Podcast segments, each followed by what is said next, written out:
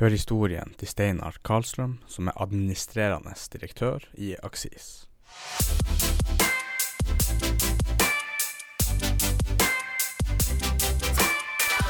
Velkommen hit. Takk skal du ha. Nå har du vært eh, på Alt Live i Nei, dessverre. Jeg fikk ikke billett. Jeg var en av dem som var for sein. Så eh, sånn er det blitt. Ja. Men, eh, men jeg hørte det var bra liv. Ja, det har vært veldig bra der. Ja. Vi har jo vært eh, delaktig, selv om jeg har holdt på nede på Aranes der med å hjelpe til. Vi har jo levert en del treemballasje og hele backstage og sånn har jo vært møblert med møbler fra våre bruktbutikker på Aksis. Ok. Ja da. Så vi har hatt eh, en som jobber hos, eh, hos oss, da, og sitter i Eller har i hvert fall vært med i styret der. da. Så det har jo vært en spennende reise de har vært med på i Alta Live. Så det er jo litt artig å se hvordan det, er blitt i dag. Ja, de har gått fra ordentlig hagefest til uh, kommersiell uh, vidunder, eller? Ja, ja, ja. ja. Nei, men det er jo, eh, så det er jo artig at det er lokale band og eh, folk som, som har avslutningskonsertene, da begynner det jo å bli bra. Ikke trenger å hente dem sørfra, dem som skal ha siste finishen på kvelden. Ja, og da blir det vanligvis ganske mye dyrere også. Ja, jeg vet ikke hva de koster, de lokale musikerne. Det kan være de også tar prisen litt straks. Det er ikke godt å si. hørte Northkid, de hadde i hvert fall brukt da mye på pyro, så Ja, stemmer. Så det kan, kan jo være at det ble en kostbar affære. Ja, ja. Ja. Ja, det koster. Vi var og filma litt faktisk for dem under alt Liven. Var litt sånn her på stage og Ok. Så det var egentlig artig. Mye adrenalin når man hører det publikummet står og roper, og det er god stemning og bra musikk, og da er det jo Ja. like bedre. Ja, ja. ja. ja det er jo ivrige, ivrige folk. Mm. Og du, du jobber jo i Aksis, det har du vel gjort en stund nå? Ja. Det begynner å bli noen år. Eh, litt over 20, faktisk. Så jeg begynte i, eh, i starten av 2000-tallet. I en temmelig opprivende fase for eh, bedriften, hvor man eh, var ganske langt nede og var, var vurderte om man skulle legge ned store deler av virksomheten. Eh, og omforme bedriften til noe annet enn det den er i dag, da. Eh, når jeg starta, så, var- så var det vedtatt å legge ned trappefabrikken.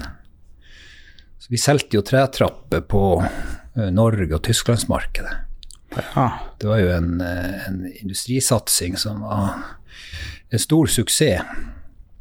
Starta jo på begynnelsen av 90-tallet. Da var jo vi en, en, en, en produksjonsbedrift som lurte på hva man skulle finne på. Da, da starta man med tretrapper. Var det sånn her inne i hus eller ute? Inn eller? i, inn i hus, altså Ja. Trapp inn, inn i bolig. Og da utvikla man eh, de tretrappene der, og det var spesielt artig at man hadde et samarbeid med IT-avdelinga på høyskolen, og det var jo high-tech der for man investerte jo i, i CNC-freser. Så det var jo, det var jo dataassistert eh, produksjon. Um, og det gikk veldig bra. Uh, Aksis vant jo eh, en vindpris eh, som ble delt ut for sånn industrisammenheng. Så vant man en pris da i Nord-Norge i 94. Ah, Så det var, det var bra. Så ble vi stor. Selte var med en sammenslutning som solgte trapper på Tysklandsmarkedet, og stor omsetning. Masse folk i arbeid, og tjente penger, og det gikk kjempefint. I noen år. ja. Så begynte det å butte litt. da, så når jeg kom inn i bedriften, så var det beslutta å legge ned hele kjøkkenproduksjonen. Og da starta jo det som heter Scantrap opp eh, nede i Skajaluft. Altså, det blir jo konkurrenten, da. Ja, det ble jo Jeg sa jo opp eh, 15 av de faste eh, eh, møbelsnekkerne som var i bedriften da. Og dem, eh, flere av dem gikk jo i lag da og etablerte en, en ny trappefabrikk i, i Alta på, nede i Skajaluft. Så det var jo også et industrieventyr. Dessverre så eh, fikk de det ikke til å fungere, så den hadde jo bare noen års drift, og så ble alt utstyret solgt ut av Alta. Og det var jo det var jo ikke bra. Det hadde jo vært eh, veldig fint å ha en trappefabrikk her i byen. Mm. Så da havna produksjonsutstyret, jeg tror det ble solgt til, til, Polen. Så da sto jo vi der. Jeg hadde vært i jobb i et halvt år. Jeg hadde akkurat uh, begynt å skjønne hva det vil si å jobbe i en arbeidsmarkedsbedrift, som vi da var. Um, og uh, lokalet var helt tomt, vi var jo blakk. Uh, første sommeren så hadde vi ikke feriepenger å betale ut til de fastansatte. Så vi var litt forsinka med feriepengene, så det husker jeg enda godt. Når man er i en sånn situasjon, da, så eh, finner man ut at her må, her må man ty til gode ideer og få hjelp. Og eh, så begynte vi å bygge opp eh, bedriften sakte, men sikkert, da, med ulike produksjoner. Vi brukte næringslivet, vi brukte hjelpeapparatet. Kommunen med sin næringsavdeling har vært veldig eh, viktig å ha med. Vi eh, jobber opp mot Innovasjon Norge. og ikke minst jobber vi i den bransjeforeninga i Norge som driver med type arbeid og inkludering, som vi kaller det nå i dag. Så eh, har vi nå klart å stable på beina en relativt oppegående bedrift. Og fra å være kun en Alta-bedrift, så er vi nå en bedrift som leverer tjenester i hele Vest-Finnmark. Så nå har vi kontorer i Hasvik, Loppa, Hammerfest. Um, eh, Lakselv og underleverandører på de øvrige kommunene, pluss at vi kjører en del bil imellom mellom kommunene. Så eh, vi har eh, Vi økte jo betydelig omsetning da i, i, de årene vi holdt på, spesielt når vi holdt på med mye produksjon. Mm. Eh, så det har vært en eh, spennende utvikling av en veldig spennende bedrift som gikk fra å være en industribedrift til å bli en, en kompetansebedrift for å få folk tilbake i arbeid. Var dere mange plan, var dere bare i Alta når du gikk inn i 2000? Ja, da var vi bare i Alta. Så vi etablerte avdeling i Hasvik i 2003, og så i Øksfjorden i Loppa da i 2004. Hadde du noen tilknytning til Aksis før den tid? Nei. Da jobba jeg som jordbrukssjef eh, på rådhuset og visste ikke nesten hva Aksis, eller den, da het vi jo Alta Produkter, hva Alta Produkter holdt på med. Ja. ja. Så det var en eh, spennende utfordring for en eh, 35-åring å komme inn i det, da. Eh, det var jo mange som tenkte at det her ikke kom til å gå. Eh, på den tida der så var det en del bedrifter som gikk konkurs. Blant annet Karasjok Produkter, Tundra i Vadsø, Dimitri på Finnsnes. Det var en del arbeid, altså arbeidsmarkedsbedrifter som sleit med den omstillinga. Så vi er jo veldig fornøyd med i dag at vi hadde fremoverlent folk i styret, ikke minst, som turte å satse. Vi hadde eiere som var villige til å, eh, å, være med på et uh, løp, og så uh, uh, klarte vi jobben i lag, da. Så nå har vi jo over år da klart å både levere de tjenester til Nav som Nav etterspør, og vi har jo tjent litt penger da som vi da investerer i bygninger, vi bygger, investerer i kompetanse og uh, videreutvikle den, den bedriften som, som, man ser i dag, da. Mm. Jeg kan tenke meg det var en bratt læringskurve. Da blir jeg inn som 35-åring og eh, ingen penger i kassa og bare få beskjed om å fikse det. Ja, det var eh, Det var jo eh, Det var det. Det, det var jo et styre da som som ansatte meg, som antageligvis eh, så at eh, jeg hadde noe å, å, bidra med, da. Men eh, i ettertid så, så må jeg jo innrømme at jeg var ikke klar over den situasjonen vi var i, fordi at eh, regnskapet så ikke så aller verst ut, men uh, når vi begynte å jobbe med det, så så vi at en del av de fordringene som vi hadde i Tyskland, de lot seg ikke drive inn.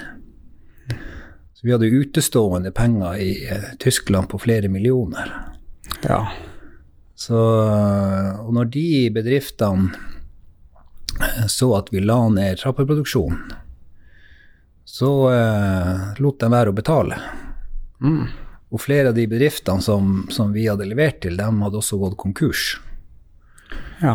Så eh, på begynnelsen av 2000-tallet da, så satt jeg og prøvde å sette meg inn i konkurslovgivninga i Tyskland, og det hadde, det hadde jeg jo ikke trodd at jeg skulle jobbe med når jeg eh, fikk den utfordringa som jeg fikk med å bli daglig leder på Aksis. Ja. ja. Så det er, jo, eh, det er, jo, det man kaller at eh, Eller man sier at likene falt ut av skapene. Så da måtte vi bare begynne å ta eh, de Avskrive de fordringene og si at ok, den millionen får vi ikke tak i, og så gikk det et år til, og så den De 700 000 fikk vi ikke tak i. Mm. Så det gjorde ikke situasjonen noe særlig bedre, da. Men vi jobba jo på mange nye områder, og dro i gang eh, en del tradisjonelle produksjoner. Vi begynte, begynte bl.a. med skifer. Ja, altså vi var medlem i, i Skiferlaget og kjøpte skiferblokker og splitta det og produserte takstein da for, uh, for uh, Skiferlaget. Og det var fin jobb, og fin, var mange som kom dit og fikk kvalifisering i det å lære seg å å, å og produsere skifer. Så er det jo litt kundekontakt, og det er transport, og det er truckkjøring og lastebil og alt det der. Så det ga eh, flere fine arbeidsplasser hos oss. Pluss at vi tjente litt penger. Ja. Eh, så har vi jo den senere tid også begynt med, med andre ting, da. Brukt butikk. Vi har to bruktbutikker i dag. vi har Eh, etablert et vaskeri som vi har bygd ut et eh, par ganger. Ja. Og vi eh, driver jo med ma ma mange typer aktiviteter for å legge til rette for en god arbeidsdag for dem som, som jobber hos oss. Ja, for hele konseptet med Aksis nå i dag er vel å inkludere dem som er litt utafor arbeidslivet, og få dem i jobb og ja. aktivitet, rett og slett. Ja, det er hovedmålet. Det er å få folk eh, videre i arbeid, eventuelt avklare eh, arbeidsevne i forhold til, til, til uføretrygd. Så det er de oppgaver som vi får fra Nav. Men vi jobber, vi jobber jo målretta med å få folk videre ut, og derfor bruker vi det private næringslivet mer og mer. Så vi bygger ned interne produksjoner, og så har vi mer samarbeid med næringslivet. Mm. Det, det, er jo en krevende øvelse, men samtidig gir det gode resultater. Og vi har lyktes uh, veldig bra med de, uh, de målsettingene som, som, Nav setter oss, da. Så det, det, er jo en helt annen type bedrift i dag enn for 20 år siden. Da når jeg starta, så slutta det elleve personer i bedriften som da på en måte gikk ut og skulle videre ut i, i næringslivet. I, uh, I, fjor og året før der så har vi ligget på ca. 500 personer som er avslutta i ulike tiltak hos oss. Det er klart det er jo en mye større geografi, det er det jo, men, men vi har en helt annen uh, gjennomløpshastighet enn, enn hva vi hadde før. Og det stiller jo krav til oss at vi har den rette kompetansen, sånn at vi klarer å avklare arbeidsevne og få folk videre ut i næringslivet på kort, så kort tid som mulig. Og det er en spennende jobb. Det er utrolig givende. Og det er masse flinke folk som av ulike grunner har havna uh, utfor arbeidslivet, som absolutt har uh, Trenger bare litt uh, hjelp og veiledning, så er de i gang og, og kommer seg inn i, i jobber. Og, og, det er klart, når du ser uh, betydninga av det å ha jobb for mennesker i dag, uh, så er jo det en utrolig eh, viktig jobb, og en, en jobb som, som, jeg er stolt over at vi kan være med og bidra til i, i Alta-samfunnet. Ja, man hører jo ofte at eh, sånn arbeidsledighet er rota til alt ondt. Det tror jeg er veldig sant. Jeg vet mm. jo mange sjøl som, som, ikke er i arbeid og sitter hjemme, og da blir man litt sin egen verden. Og ja, det er nok ikke så bra for den mentale helsa, vil jeg tro. Nei. Nei, det du, Man føler seg vel litt utafor når man ikke er med i et type fellesskap, da. Så er det jo mange som har uh, sviktende helse, og som, som, ikke klarer å stå i arbeid. Da, da, da må man kanskje finne, finne andre uh, sosiale sammenhenger og, og, og få et, uh, en god hverdag, for det er jo ofte det det handler om. Så vi har jo måla oss at uh, når folk kommer ned til oss, så det viktigste for oss er at de kommer tilbake dagen etter. Uh, så jobber man med de enkle tingene, det man kan gjøre noe med. Og, uh, pluss at man bidrar til å finne de karriere, karrieremuligheter som finnes. Det er jo mange som går seg litt sånn fast. Det er jo folk som er i et yrke Mange som kommer til oss, de har jo en jobb. De er jo fast ansatt i, i, en, ah, ja. i en, bedrift. Men har kanskje ikke helse eller andre ting som gjør at de ikke kan være i den stillinga lenger. Kanskje den bedriften har vært i, har utvikla ny teknologi, og da mangler den den kompetansen for å, uh, for å uh, beholde den jobben de har. Kanskje de har lese-skriveproblemer som gjør at uh, de ikke klarer å tilegne seg ny læring for å stå i de jobbene de har. Så vi hadde en uh, jobba med en del bedrifter hvor vi har vært med på, på uh, å kurse opp folk for å øke basiskompetansen. Blant annet hadde vi et uh, flerårig samarbeid med Sibelco. Wow. Når de gikk ifra fra å skrive manuelt med, med blyanten på papiret til å uh, måtte lære seg med e-post Excel og de hjelpemidlene som i dag er helt vanlige. En liten overgang, det. Ja, det, det, er jo en overgang. Og alt må jo læres, så, så det var en, eh, en uh, fin jobb for oss å, å, å, å gjøre. De har jo også mange ansatte i Øksfjord, og der har vi også kontor, da, så der uh, leide vi inn relevant kompetanse og kursa opp de folkene som var der. Det her er jo sånn bedriftsintern opplæring som uh, veldig mange bedrifter driver på med. Og som det finnes uh, gode uh, finansieringsmuligheter på, da. Så det er jo noe alle må, må, gjøre. Men jeg opplever i dag at de fleste bedriftene er veldig flinke på å kurs opp og heve kompetansen blant de ansatte. Fikk jo faktisk et sånn her tilskudd om eh, bedriftsintern eh, opplæring fra det Troms og Finnmark fylkeskommune. Ja. da fikk vi jo muligheten til å kjøpe masse sånne her kurs vi kunne delta på for å ja, øke kompetansen, og det passa jo ganske bra i den perioden koronaen hadde slått inn. Ja. Holdt man aktiviteten oppe når det var mm. på det verste. Ja. Så det var en veldig god ordning. Ja. ja. Nei, det er mange det er mange gode ordninger som mange bedrifter ikke, ikke vet om, da. Så det er nok mange som har måttet lete etter nye muligheter i, i koronatida, det, det, er sikkert. Der har vel alle vært berørt. Vi, vi var jo berørt av koronatida, selvfølgelig. Med, med nedstengning og, og holdt veldig mange folk hjemme fra arbeid.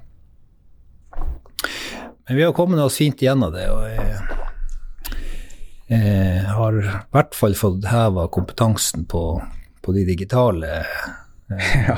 plattformene. Det blir litt sånn tvangsdigitalisering. Ja. ja. Men vi var egentlig ganske godt i gang da. og vi, vi var jo tidlig ute med å gå inn på Teams og 365 og den uh, Modern Workplace, som Eltele kaller det. Eh, så vi var jo i gang med det når eh, koronaen kom. Og det er jo fordi at vi har avdelinger rundt om i hele Vest-Finnmark. Så vi har uh, veilederne våre, de har uke, de har jo møter, da møtes de jo på Teams. Så, så veldig mye av den, det daglige arbeidet var allerede på digital plattform. Men mye av de tjenestene vi leverer til våre arbeidstakere, det var jo ikke på digitalt plattform. Så der hadde vi jo et, en kjempeutfordring med å, med å, få det på plass. da. Heldigvis hadde vi dyktige folk som, som fikk det på plass relativt kjapt. Ja. Men eh, vi, eh, vi, vi, nærmer oss vel normaltilstand nå etter hvert, så det skal bli godt. Det, ja. det trengs nå. Det trengs, ja. Få, få, folk på arbeid. Og vi har jo etablert et Vi har jo hatt jobbsenter lenge, da, men nå har vi jo bygd om der nede, sånn at vi har jobbsenteret mer sentralt. Og, og, alle som kommer til oss, da, de kommer til jobbsenteret. Og der er det masse jobbaktiviteter, det er små, korte kurs, og det, der får du hjelp til å skrive CV, der får du hjelp i realkompetansevurdering og alle de tingene som vi jobber med. Så det er en, det er en det er en spennende jobb hvor vi har mange dyktige veiledere som eh, bidrar til å få folk videre. Hvor mye, hvor mye har dere vekst som bedrifts... Eller hvor mange ansatte har dere i 2000 kontra nå?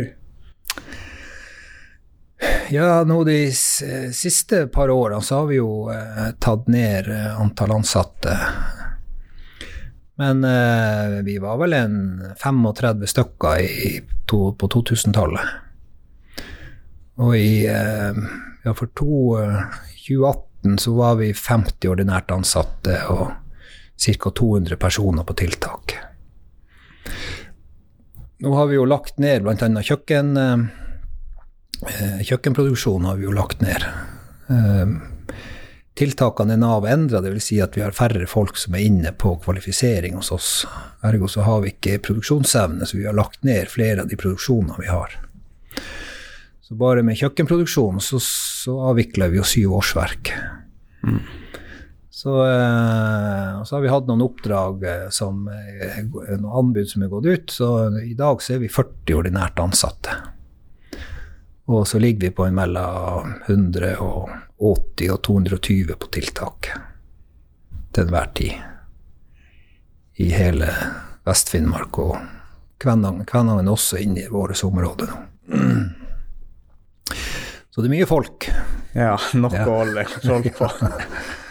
ja da. Tenker dere å ekspandere noe videre? Er det i planen for fremtida? Ja, nå er det jo sånn at uh, det vi holder på med, det er ca. halvparten av det er ute på anbud. Mm. Så vi har en sånn uh, fireårsplan uh, da på, på, på, to av de anbudene vi har. Så vi har enda en to og et halvt år igjen å levere. Så er det nye runder med anbud, og da får vi jo se hva som kommer, da. Vi vant, Det første anbudet vi vant, var i 2007. Og da uh, leverte vi på hele Finnmark. Mm. Så vi har uh, I tidligere perioder så vi levert også i Øst-Finnmark.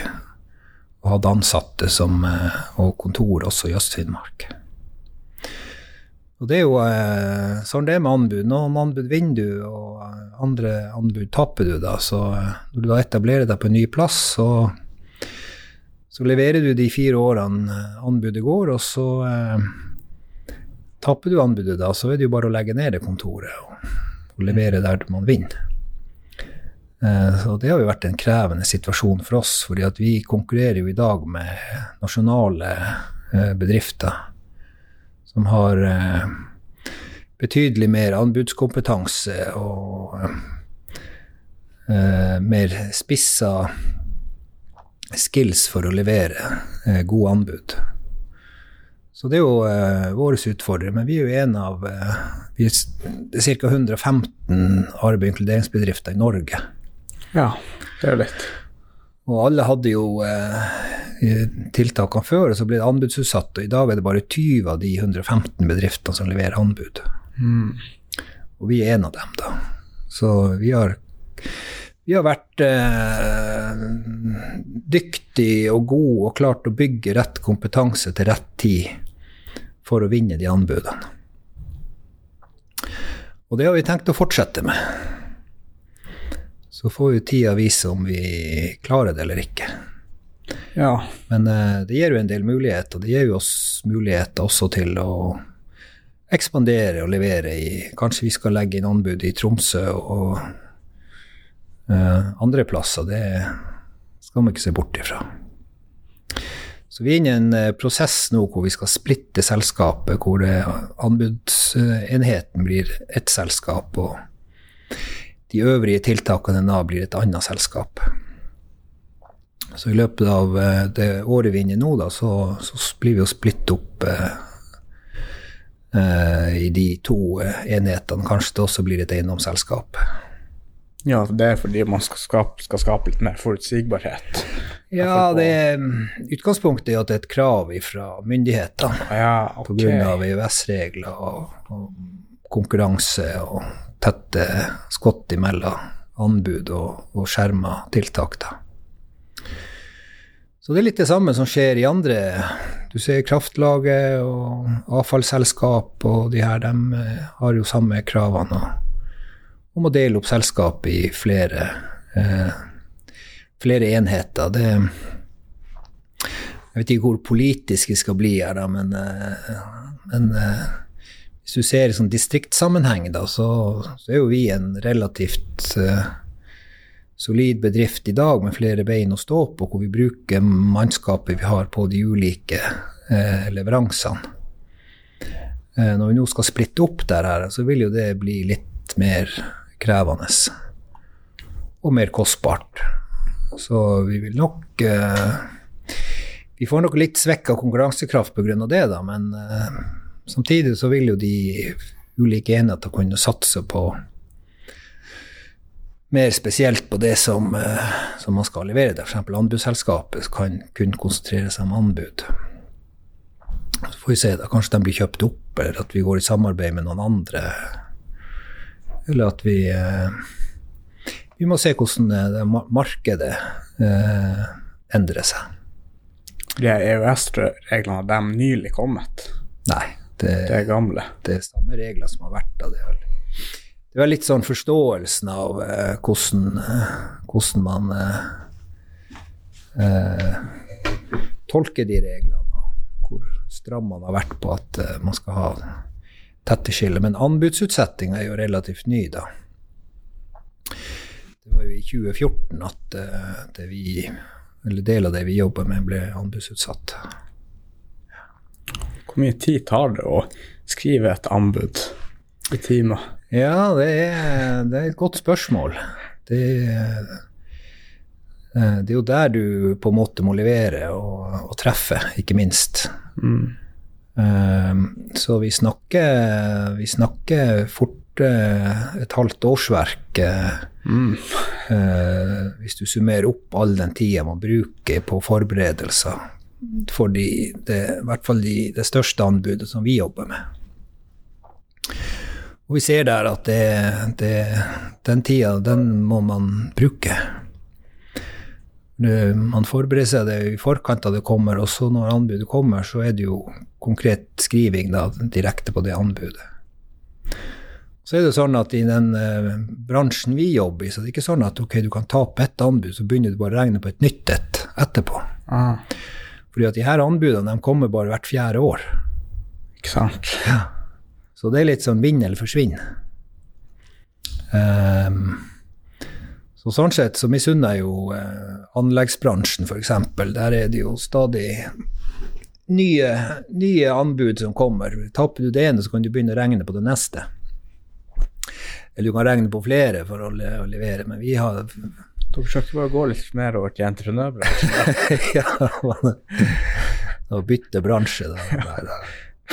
Nei da, vi skal være gode på det vi holder på med. Og eh, det er klart, vi har eh, altså, Hvis vi skal hvis du kan kalle det en markedssituasjon, altså, så er det jo et, dessverre et stort marked for oss. Altså, det er stadig flere som trenger bistand for å komme seg inn i arbeid, og eh, jeg mener jo personlig at vi ikke klarer å bidra nok, for det er altfor mange fortsatt som står utenfor arbeid.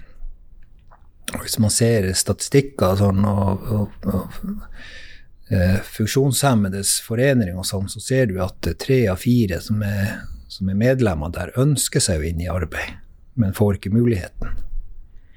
Så jeg tenker at eh, samfunnet som helhet, vi er for, flink, for lite flinke til å legge til rette for dem som trenger en litt tilpassa hverdag for å kunne fungere i arbeid.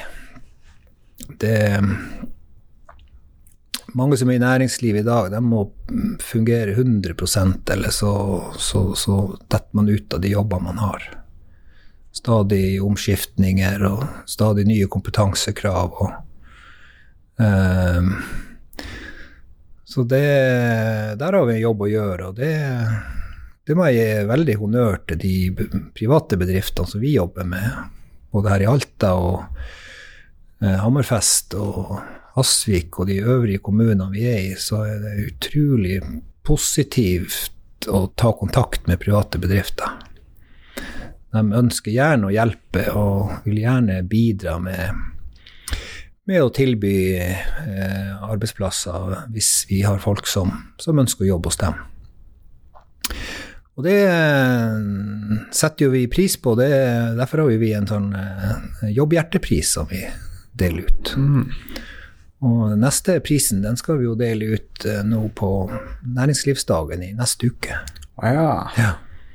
Så vi har fått uh, innpass der. Der er jo prisutdeling.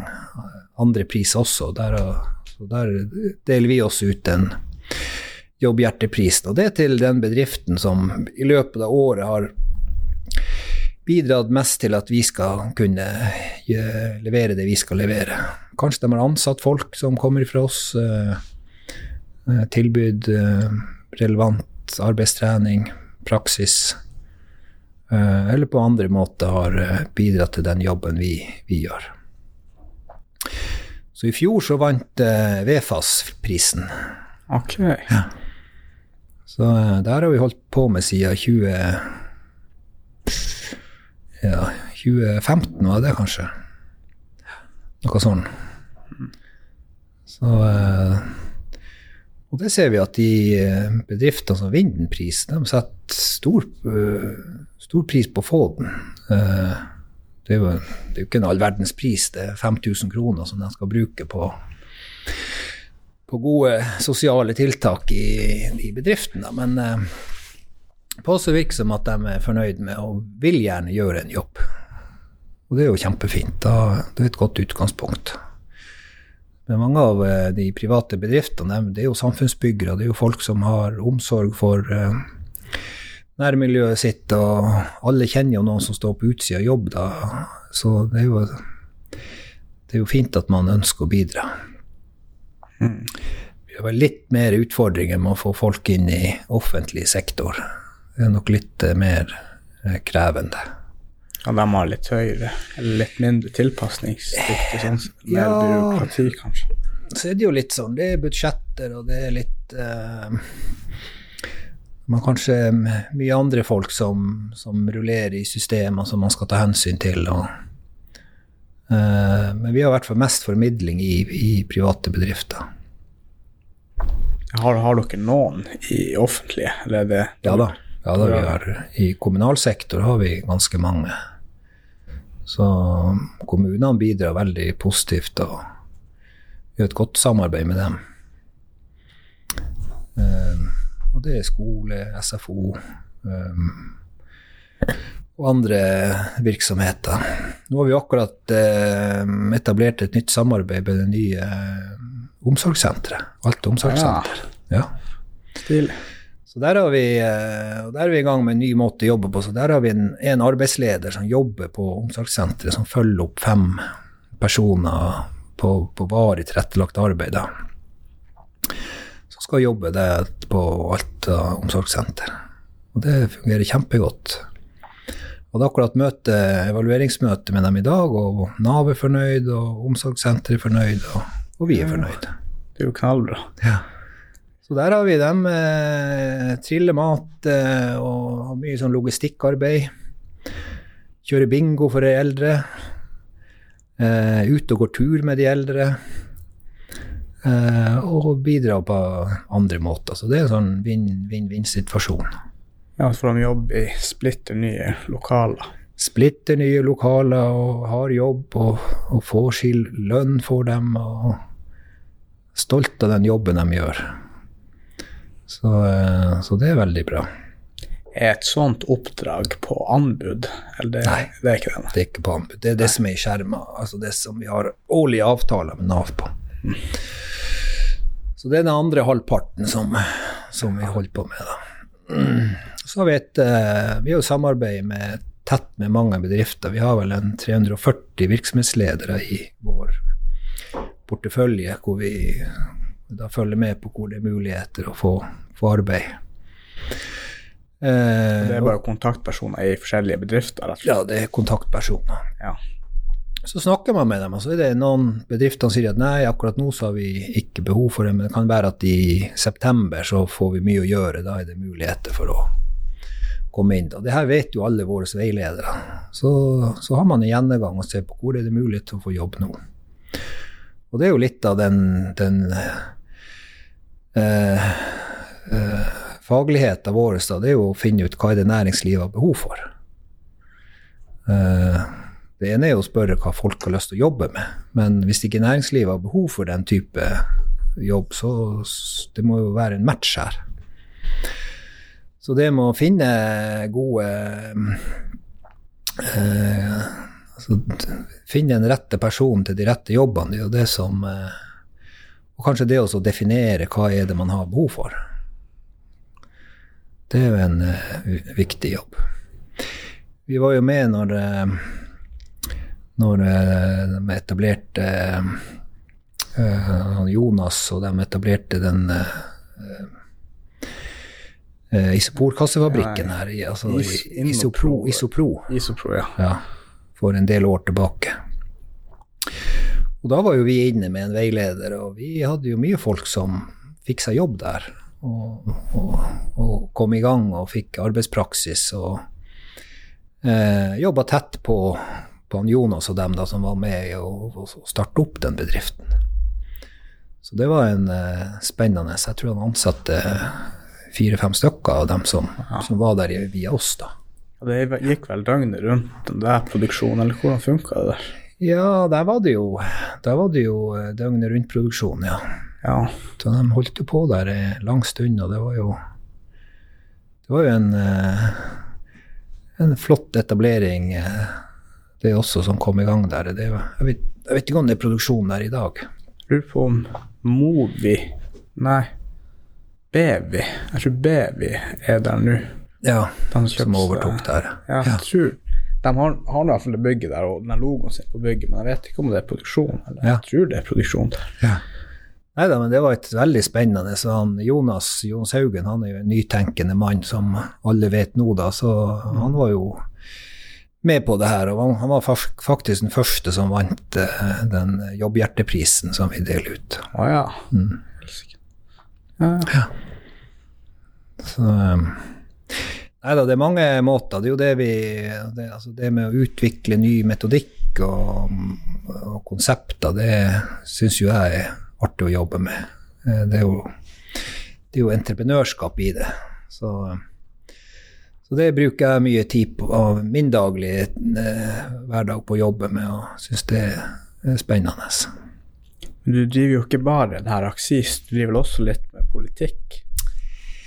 Ja, det, det, har blitt litt politikk i de senere år. Er det noe du eh, Skal du stå på eh, som statsminister som noen år, eller hva, hva er planen? ja, ja. Nei da, min tid er nok, eh, er nok forbi den. Eh. Jeg har jo vært eh, lenge med i, i kommunestyret, var jo ute i forrige periode. Så kom jeg inn igjen nå, da. Hadde jo egentlig ikke tenkt å komme inn i kommunestyret på nytt, da, men, men velgerne ønska meg jo inn, da. Da, selv om jeg sto på en sånn eh, plass langt, langt nede på lista, bare for å fylle opp den lista til Arbeiderpartiet, så, eh, så kom jeg inn, og det er jo takknemlig for alle som ønsker å støtte meg. Da. Det var fint. Eh, vi hadde jo mange nye unge som vi kanskje hadde håpa skulle få plass og komme inn i kommunestyret, da, men eh, det ble nå ikke sånn den gangen. Men så har jeg jo vært eh, første vara til Stortinget nå i denne stortingsperioden. Eh, jeg sto jo på tredjeplass, som alle vet, så i juni 2017, da var jo min eh, Da hadde vi tre kandidater inne. I, eh, når vi kom til høsten, da, så gikk det jo betydelig trådere, og eh, vi mista jo eh, mye velgere, så vi fikk bare to fra Arbeiderpartiet inn på Stortinget fra Finnmark. Mm. Så da havner jeg på første vareplass. Um, men jeg har jo fått uh, være en del der nede, da, når det har vært fravær av de to som, som var inne. Så jeg har en fem-seks måneder til sammen på, på Løvebakken. Mm. Ja. Hvordan er det? Er det bare heftige diskusjoner, eller hvordan Nei, det er, jo, det er jo litt sånn spesielt. Du kommer jo dit ned. altså Det er ikke sånn at du kan ha en gul lapp med deg fra hjemmet og det her skal jeg på en måte gjennomføre. Ja.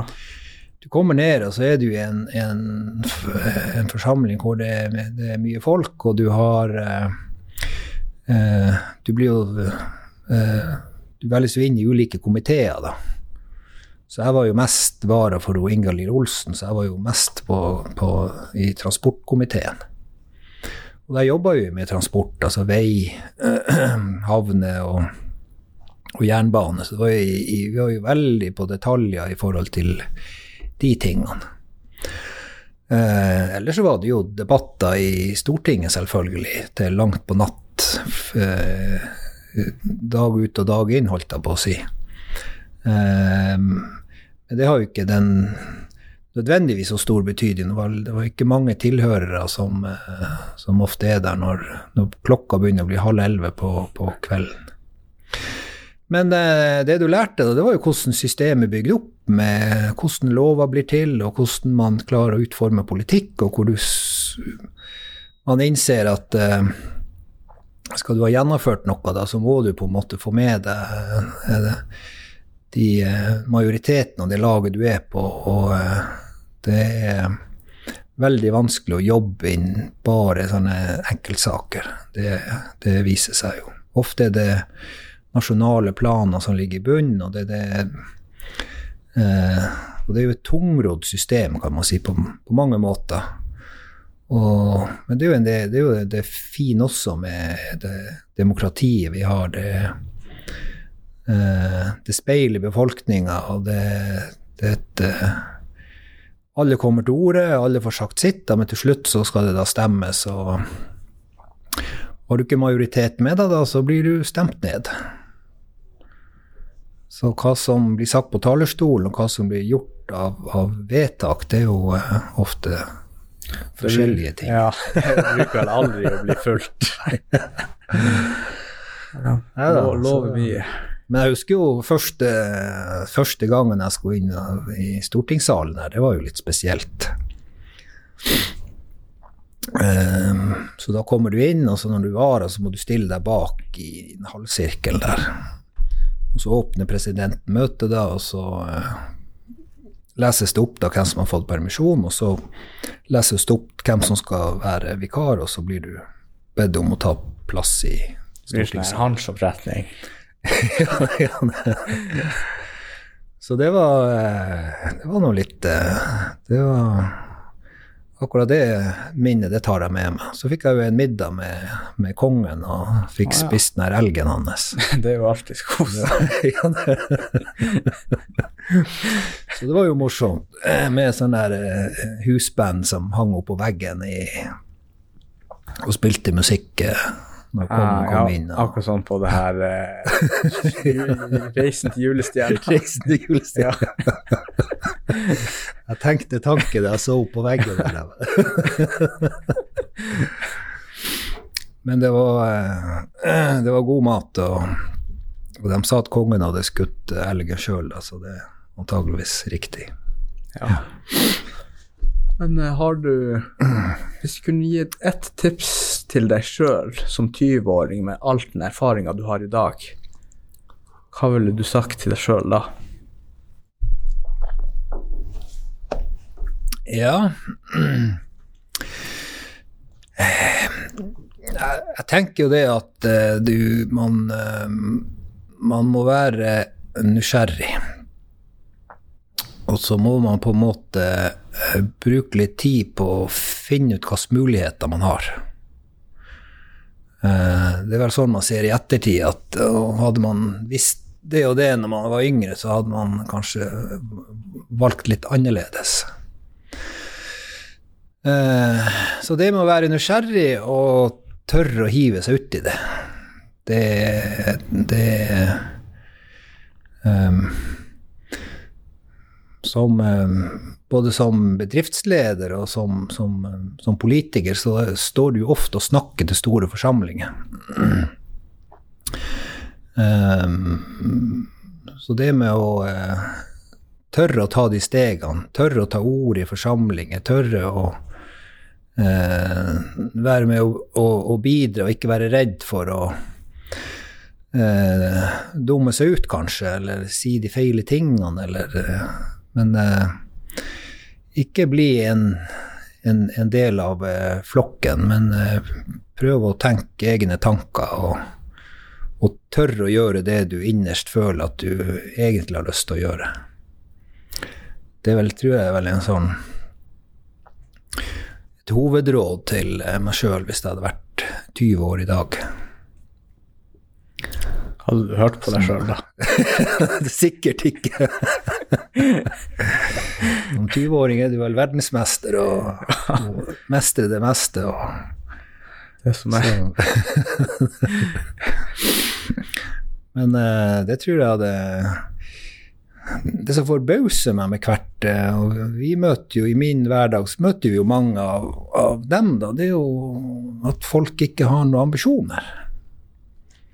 At man ikke eh, vil. Altså Jeg må jo si det at de gründere gründere, dem som på en måte klarer å stå i det over tid Du er jo sjøl en gründer, ikke sant. Jeg er veldig imponert over dere, at dere på en måte har en idé, dere har noen skills og dere ønsker, dere vet hva dere vil jobbe med, og så, og så er det bare å trykke til og stå på det. Ja, tusen takk. Det var det. Ja, det, det må jeg si. Det tror jeg er veldig Det er en bredt uh, Jeg tror veldig mange mener det. Um, klart, i dag er det Noen fungerer best med å være i en sikker jobb og ha fast lønn, og at det skal vare liv ut da. Men for andre igjen så, så passer ikke det. Da passer noe helt annet. Og da skal du ha litt mot og guts til å stå på og komme i gang med, med ideene dine.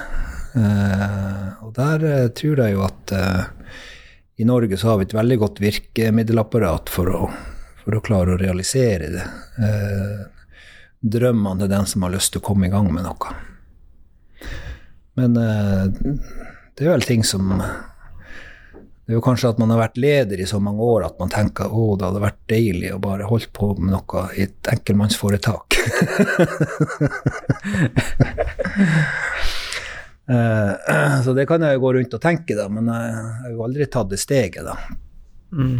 Men andre tar det jo og tar det tidlig, og det, det, må jeg si det er utrolig bra. Bare her på, i Kunnskapsparken så er det jo mange mange gründere, og mange har jo fått det til. Og mm. det ser vi jo alt av samfunnet i dag, at det, det, det, fungerer. Det er jo derfor vi har det næringslivet vi har. Ja. Nei, absolutt. Mm. Kunne ikke være mer enig. Nei. Og så er det som går igjen med de fleste, det er at de har eh, skills, eller at du har en utdannelse, du har en kompetanse. Ikke nødvendigvis en utdannelse, altså sånn formell kompetanse, men at du, du kan noe som som du både liker å holde på med, og som du vet at det her kan det bli noe ut av. Og det skal man ikke eh, kimse av, det. det er og har du ikke den kompetansen, så må du få tatt den. Så det jo Hva jeg sier, utdanning er lett å bære. Det kan godt hende at du får, ikke får bruk for den, men han, det er ikke noe byrde. Nei. Kanskje litt studielån. ja, når du flytter til Finnmark, så betaler det seg jo det sjøl. Da er det jo good. Jeg har, Ja. har en del studielån fra, fra jeg gikk på skole i Trondheim, så det betaler seg ned sjøl. Så det er jo knallbra. Ja. ja. Ja, det er jo en av fordelene med å, å være her, da. Så det Har, har du noe tid til fritid? Fritid, Ja. Ja Ja da. Nå får jeg jo mer og mer tid til fritid. Det uh, har vel egentlig vi har vært uh, aktiv uh, utad i, i, i alle år, da. I, uh, jeg bor jo i, på Thomasbakken, så jeg har jo vært aktiv i Bull. ja. Både som eh, foreldre til unger som har vært med der, men også eh, styreleder i Bull Eiendom. Så eh, vi, jeg var med der i den treårsperioden da vi bygde anlegget på, på altså Bullparken, sånn som man er i dag. Så det var en, eh, en ganske krevende jobb, eh, og det var jo på fritida eh, det gikk med.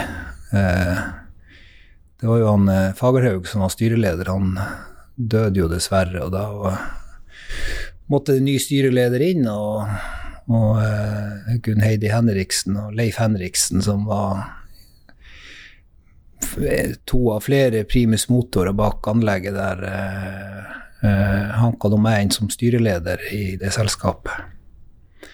Og da begynte vi å jobbe med å skaffe finansiering. Vi hadde jo bare et svært hold i bakken der da når jeg kom inn i, i den prosessen. Så jobba vi med opp mot eh, DNB, da. Det var jo DNB som til slutt kom inn og finansierte opp det her. Og da signerte jeg en låneavtale på 47 millioner for et idrettslag. Eh, og det tenker jeg også sånn i ettertid at det jeg var ikke like sikker på at det var lurt å gjøre, men eh, heldigvis har det gått veldig bra. Vi hadde solide hjelp fra DNB for å få alt på plass der, og, og den som har jobba i, i, i Bull i ettertid, eh, Leif var vel ansatt på den tida, og jobba veldig mye med de her spillemidlene og få alt det her på plass. Så det var en, eh, det var en reise, det også, men det var, det var mye arbeid på fritida. Så, eh, men det er nå en del år tilbake. Så nå er jo ungene eh, voksne og ute av redet, så nå har vi jo mer og mer tid. ja. For mye tid, nesten. Ja, ja nesten. Nei, for mye blir det ikke, det, det gjør det ikke. Men jeg har et lite småbruk i Kvænangen. Ah, ja. Ja. Helsike. Så der eh, har jeg nå litt skog og en vedmaskin og litt eh, og badstue og utsikt og ja, jo- fjelltopper å gå på. Så jeg går mye på toppturer. Jo, balsam for sjela.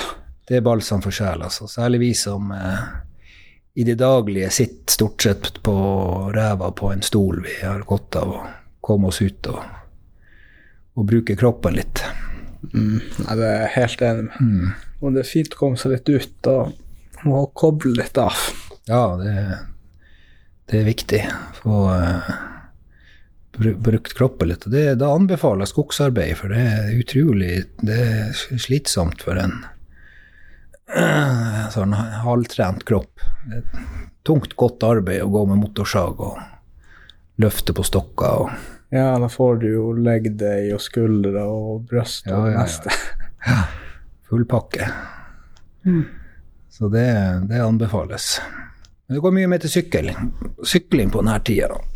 Ah, Så nå, ikke for min del, men jeg, jeg har jo en i familien min som sykler mye, og, og med, er med på det uh, offroad-eventyret. Så det, det har vi jo brukt en del tid på nå i de senere årene. Det har vært veldig bra. Ja, for Finnmark er artig arrangement. Ikke at jeg har vært der sjøl og sykla, men det ser tungt ut. Ja, ja, ja. ja det, er- det er jo sinnssykt lange avstander. Men det er jo et eventyr. Det er jo, der er det òg gründere som på en måte har kommet i gang. Og det, det er jo i miljøet på universitetet som, som eh, initierte det i sin tid. Og det jo Det har jo fungert kjempebra så langt. Bare håper at de klarer å, å dra det videre. Ja, nei, vi satser på det. Satser på det, ja. ja. Jeg vil egentlig bare takke da at du tok tida ut av hverdagen for å komme og snakke litt her. Ja, Veldig hyggelig. bare hyggelig. Jeg sier bare ha det bra til alle sammen. Ja.